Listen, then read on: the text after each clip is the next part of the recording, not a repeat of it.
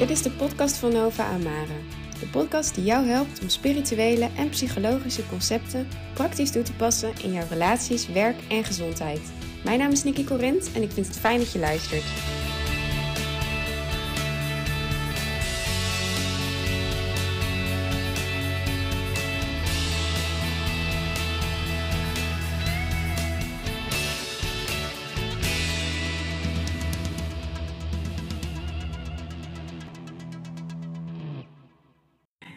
Vandaag wil ik jullie meenemen met uh, een verhaal over een stel wat ik ken. Uh, ze zijn allebei eind 30 en ze zijn iets korter dan een jaar bij elkaar.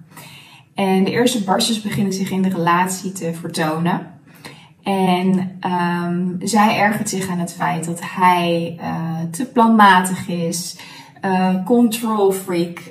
ze vindt hem te perfectionistisch. Alles moet altijd op de manier gaan zoals hij het wil. Hij is heel stipt, heel precies. En um, zij is uh, go with the flow. En dat vindt hij vervelend. En ze hadden iets te vieren. Dus ze hadden afgesproken om in, een, in een luxe restaurant te gaan eten. En zij komt een kwartier te laat. En hij uh, reageert daar heel, heel heftig op. En de hele avond is eigenlijk verpest. En beide uh, komen eigenlijk uh, na de ruzie tot conclusie ja, weet je, is dit het dan wel? Moet ik niet iemand hebben, denkt hij, die wat meer lijkt op mij, die wat planmatiger is en dat wat belangrijker vindt. En zij komt tot de conclusie van, ja, weet je, het is allemaal zijn probleem. Hij is perfectionistisch, hij moet gewoon chillen en rustiger aandoen en go with the flow zijn. En um, aan de oppervlakte lijkt dat het probleem te zijn. En de oplossing lijkt te zijn, hè, of ga rekening met elkaar houden, uh, of um, ga inderdaad iemand zoeken die daar beter bij past. En um, het grappige is dat allebei, allebei de mensen eigenlijk tegen zichzelf aan het liegen zijn. Um, dit doen ze compleet onbewust. Dat hebben ze niet door. Maar wat ze allebei niet doorhebben, is dat ze allebei een wond van binnen hebben. En bij de man is dat, um, ik ben niet waardig, ik ben het niet waard. En hoe gaat ego dat compenseren? Die gaat uh, streven naar perfectie. Ik ben niet goed zoals ik ben, dus als ik uh, streef naar perfectie, zorg dat alles tot in de puntjes geregeld is, dat alles precies loopt volgens plan, waardoor ik het gevoel heb dat ik toch de dingen voor elkaar heb en um, onder controle heb op een manier en me daardoor uh, in ieder geval oké voel met mezelf. Haar wond is eigenlijk hetzelfde. Uh, ik ben niet waardig of ik ben liefde niet waard. En bij haar uit dat zich in een ego-strategie. Door eigenlijk vanaf dag 1 dat zij die partner ontmoet, niet al in te gaan. En het grappige is dat ze dat zelf helemaal niet door heeft. En dat, dat gaat heel erg onderbewust. En wat er bij haar gebeurt, is dat ze vanaf het begin af aan uh, een bepaalde afstand creëert. En dat doet ze dus door bijvoorbeeld te laten komen. Uh, door te zeggen, uh, ik ben heel erg met de flow. wat het eigenlijk is, is een intens diepe angst om gekwetst te worden. Een intens diepe angst als ik all in ga en ik ga me helemaal geven en overgeven aan deze man en aan deze relatie, dan gaat hij me laten vallen. Dan weet ik niet hoe ik eindig, want ik ben liefde niet waard.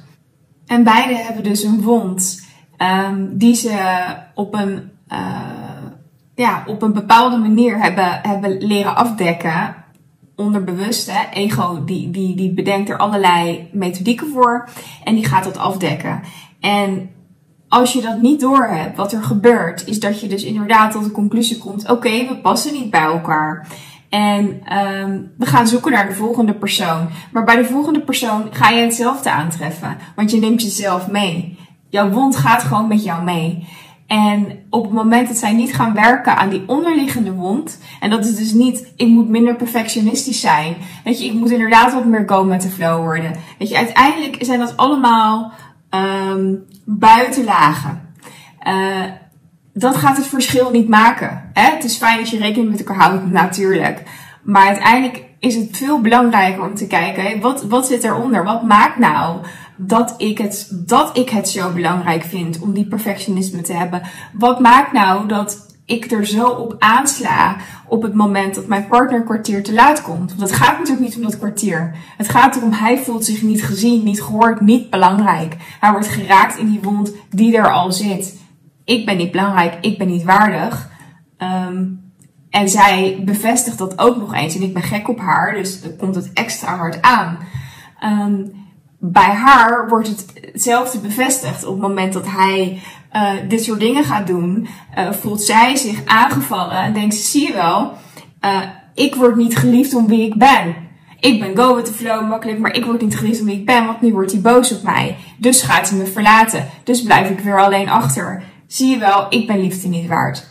En zo worden we onze eigen self-fulfilling prophecy. Totdat wij op een punt komen dat we zeggen, hé, hey, dit wil ik anders doen.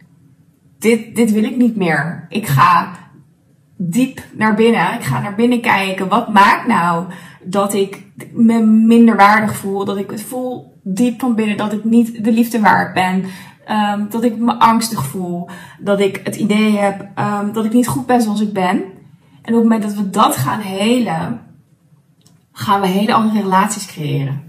Genoeg om over na te denken. Ik hoop dat je de podcast leuk vond.